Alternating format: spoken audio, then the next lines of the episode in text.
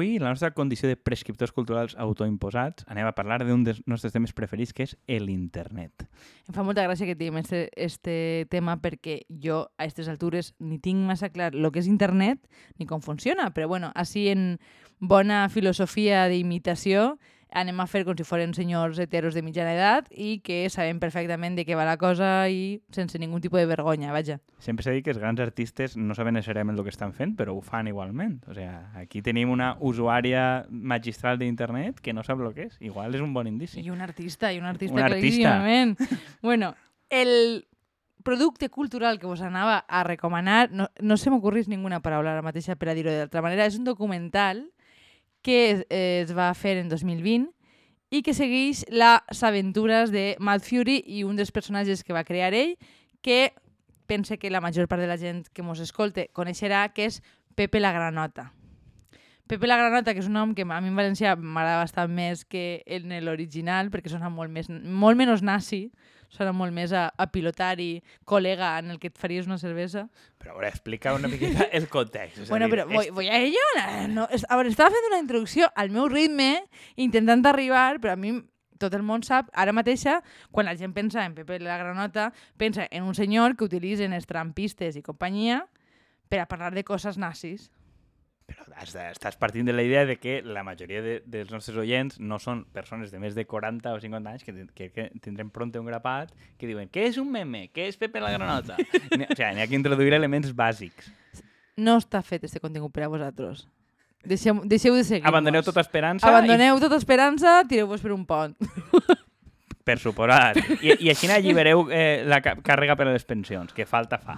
No feu més que xuplar recursos. Seguís. Bueno, eh, el documental segueix la, la història de Pepe la Granota, que en realitat era part d'un grup, de- de- d'una tira còmica que inventa el l'autor, que, té, que, que jo pense que és holandès, però crec que simplement té cara de... Però bueno, això no és important per la Tu història. tens un radar per holandesos, deixem-ho clar. Igual que per lesbianes, veritat. Això ho podem dir en antena? En antena. No està prohibit. La Warner no mos dirà res. En un exercici d'honestitat diré que en antena tampoc sé molt bé el que vol dir. Però bueno, Perquè no imagina tenim, no tenim cap antena. Saps que l'internet no té antenes? O sí? que crec que funciona per cables i que van per l'oceà, però... Molt bé. Jo crec que ja estem arribant ja... Po- Podem passar la ESO ja. Molt bé.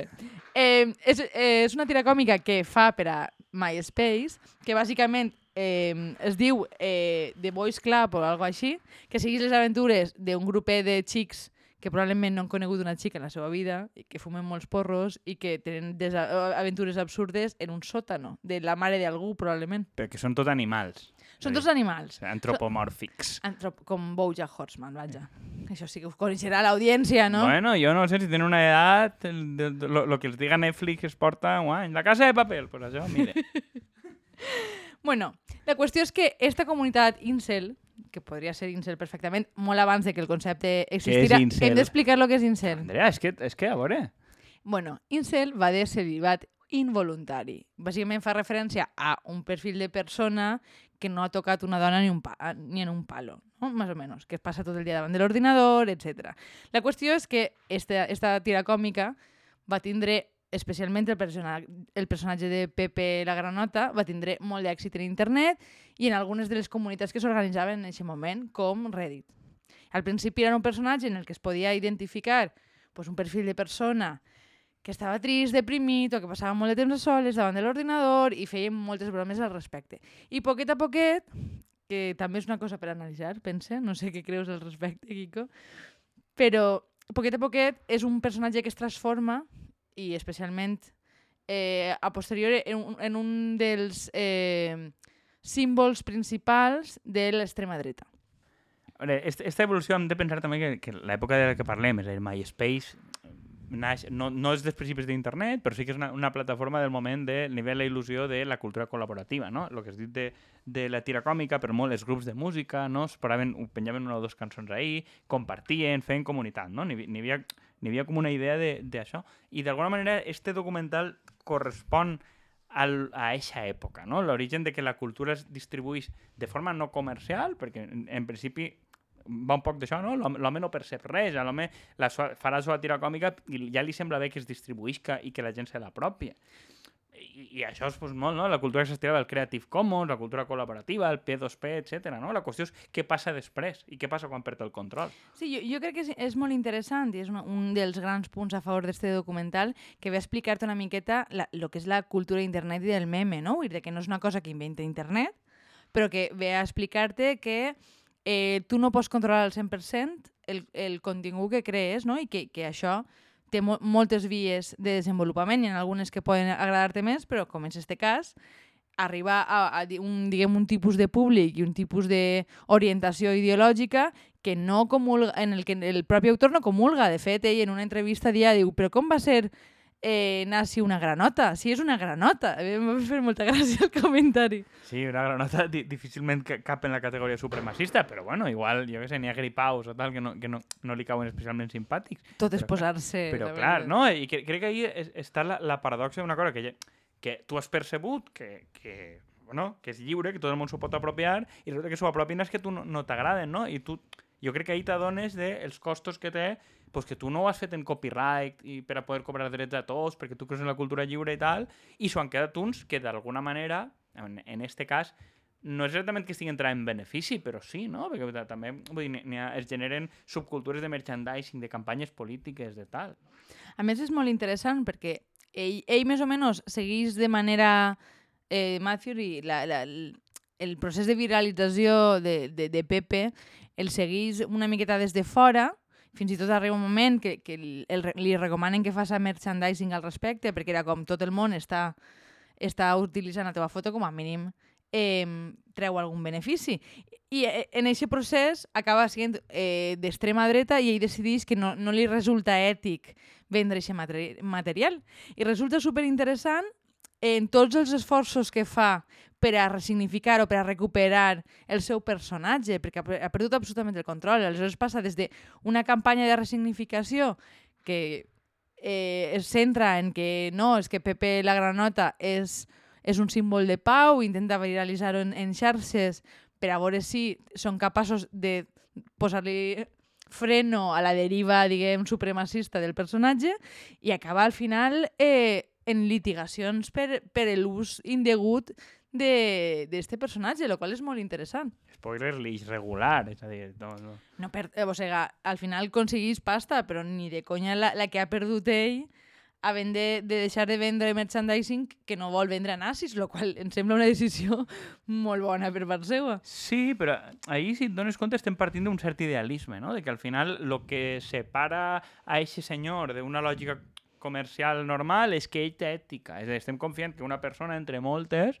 ha decidit que l'obvi, que és guanyar diners, és una cosa que ha fet, no, no funciona. No? I crec que n'hi ha molt, molt en aquest primer internet molt d'utòpic, no? de que és un espai lliure, que és un espai compartit, i com d'alguna manera sempre el, el, el tren del capitalisme t'acaba arrollant, no? perquè ara, ara ho veiem obvi, no? que n'hi ha moltes plataformes que es paga per tot, etc. però fa 20 anys o fa 15 ja l'internet ja molts el donava la companyia telefònica, eh, puga ser Telefònica o Vodafone o tal, que no són germanetes de la caritat, i Google ja era una empresa transnacional i Facebook ja ho era, és a dir, no? com, com a que sempre n'hi ha, ha una idea de que internet era molt lliure, però sempre ha sigut de les empreses, però igual no ens mostraven tant la pateta. És a dir, eh, jo crec que és molt interessant, però, per exemple, el tema de TikTok o Twitch o altres tipus de plataformes que ara, diguem, estan més en boga que algunes de les que has mencionat, que vull dir que so, de manera cíclica hi ha plataformes que apareixen i plataformes que desapareixen, no? Però que, que jo penso que cada cert temps sí que apareixen aquest tipus de plataformes com una certa il·lusió de que, el crea de, de, de que el, la creació es comparteix. Però crec que ara és més evident que mai qui es beneficia d'això. Per exemple, en, en TikTok és molt habitual veure a usuaris que creen un contingut i este es reutilitza i arriben a, crear cançons a partir dels gossos, els sons que emet un gos o un gat i que, que creen coses xulíssimes, però ells realment ho fan per oci. No, hi ha un, no, no treu un rendiment econòmic que sí que treu la plataforma a través d'ells. Vull dir, en certa manera els parasita i crec que poden dir el mateix de Twitch, etc que a pesar de que siguin persones que guanyen molts diners, no són propietaris del seu contingut, ni com s'emet, ni quin tipus de coses poden dir i quines no. Ahir sempre es diu no? que si tu no pagues, el, el producte eres tu, d'alguna manera. No? Vull dir que, Exactament. Que, que, que això és... I, I sí que n'hi ha molt d'aquest circuit que dius de eh, Twitch, se'n van tots els youtubers, se'n van de YouTube, perquè YouTube canvia l'algoritme i cobren menys. No? I alguna, eh, cada volta eh, de- depèn més, però igual que, que la gent que fa webs, no? El tema del SEO i tot això, que acabes estant molt pendent de eh, que com ha canviat l'algoritme de Google i tal. És a dir, tot el món està jugant a regles d'una empresa. Quan ell se'n va, se'n va a Twitch, però Twitch és d'Amazon. I Twitch pot decidir quan et canviar-te les condicions unilateralment, que tu no respons a la normativa dels Estats Units o que simplement, que era un cas real, no?, de que has mostrat un pit en un, eh, en un vídeo de refiló i pot tancar el compte una setmana. I igual a un càster d'estos li costa un milió d'euros.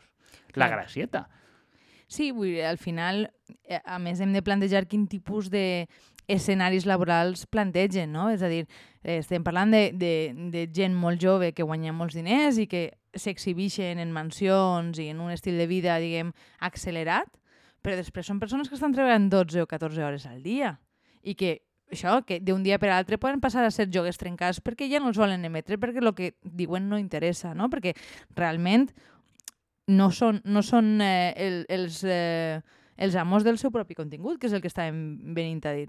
No, ells no, no, són, són empleats, diguem, pues, això, com un futbolista o tal, en una gaviador, no? Però al final són més una disciplina en qui t'ajuntes, com fas, com no, molt tancat, i a veure que tampoc està lluny el que fan els gamers o els influencers que viuen en una casa d'un reality de Telecinco, o sea, de, o de Gandia Shore o una cosa d'estes, és a dir, que està en el mateix espectre, entenc jo, no? O sea, I genera les, les mateixes, les, el mateix tipus de dinàmiques d'una crescuda absoluta i després a, afonar-los en la misèria, perquè té aquest tipus de problemàtiques, aquest tipus de models. si a mi em deixes fer un, un apunt una mica marxista, no? Perquè se me veia el plomero, però que... El al- primero se t'ha vist des del principi que no enganyem a ningú. Bueno, bé, però que, que, que es veja una miqueta, però que, que mos creem, no? El que dèiem abans de l'optimisme tecnològic i, i tal, i de que tot canvia tot i al final a, seguim en unes coordenades que siga per a, per a estos o siga per a riders, que sí, et governa un algoritme, però en última instància el que estàs parlant és si tu eres amo o no dels mitjans de producció, no? I, I si el canal és teu o no és teu, perquè si el canal és teu, si tu eres amo de la plataforma que et dona de menjar, pots decidir, o com a mínim tens garanties, o si és públic, pues, escolta, però igual pots fer un recurs contenciós administratiu, anar al jutjat, una cosa per l'estil, però una empresa Amazon, per molt que Amazon et sembli guai, fa el que vol, perquè la plataforma és seua i si la vol tancar et tanca i si tira, tira i no té una explicació no tens drets. I al final, d'alguna manera, estem en, en, en, en grans plataformes puga ser això, o sigui, les apps d'aquestes de riders i tal, que tenen menys garanties laborals per al treballador de lo que tenen moltes empreses clàssiques que considerem molt més explotadores, no? O sea, Sí, crec que t'han convençut al final, que és, que és un, un problema que tenen la producció artística en general, no? I inclús et diria del món del periodisme, que t'acaben venent que com és una cosa que fas perquè eres artista o tens com una espècie d'excel·lència última que no és laboral, que, que, que no has d'exigir drets perquè tu no eres un treballador, no? Però bueno, en qualsevol cas, a mi m'agradaria...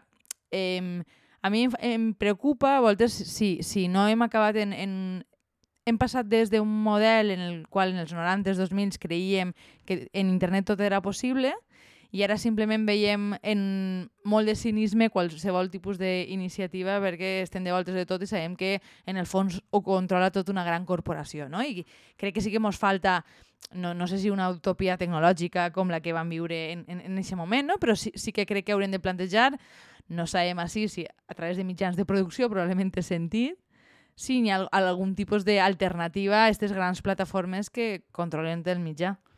Sí, jo crec que, que això és una cosa com, com per a deixar com a, com a, com a pregunta i, i crec que n'hi ha alguns casos on més o menys valents una miqueta les pròpies limitacions del sistema ha funcionat, no? com és el cas de Filmin. Filmin al final els productors espanyols diuen, bueno, pues jo tinc eh, un- una sèrie de drets per a Espanya, perquè al final tu per molt que vulguis fer-te mil palles, el, els drets audiovisuals o, o de certes coses continuen sent a nivell estatal, jo puc mantenir una plataforma cobrant quotes d'unes coses determinades i tenir un espai en el mercat, que el que han fet és organitzar-se. Evidentment són empreses privades i tal, però és un model de relatiu èxit, que igual tampoc li disputa tot l'espai a Netflix, però sí que és un espai significatiu, i guanyen diners i fan altre tipus de... o programen eh, festivals o coses... No? Eh, Igual a una altra escala, però n'hi ha un espai, però l'espai és sempre no depèn de la plataforma, sinó muntar-la tu.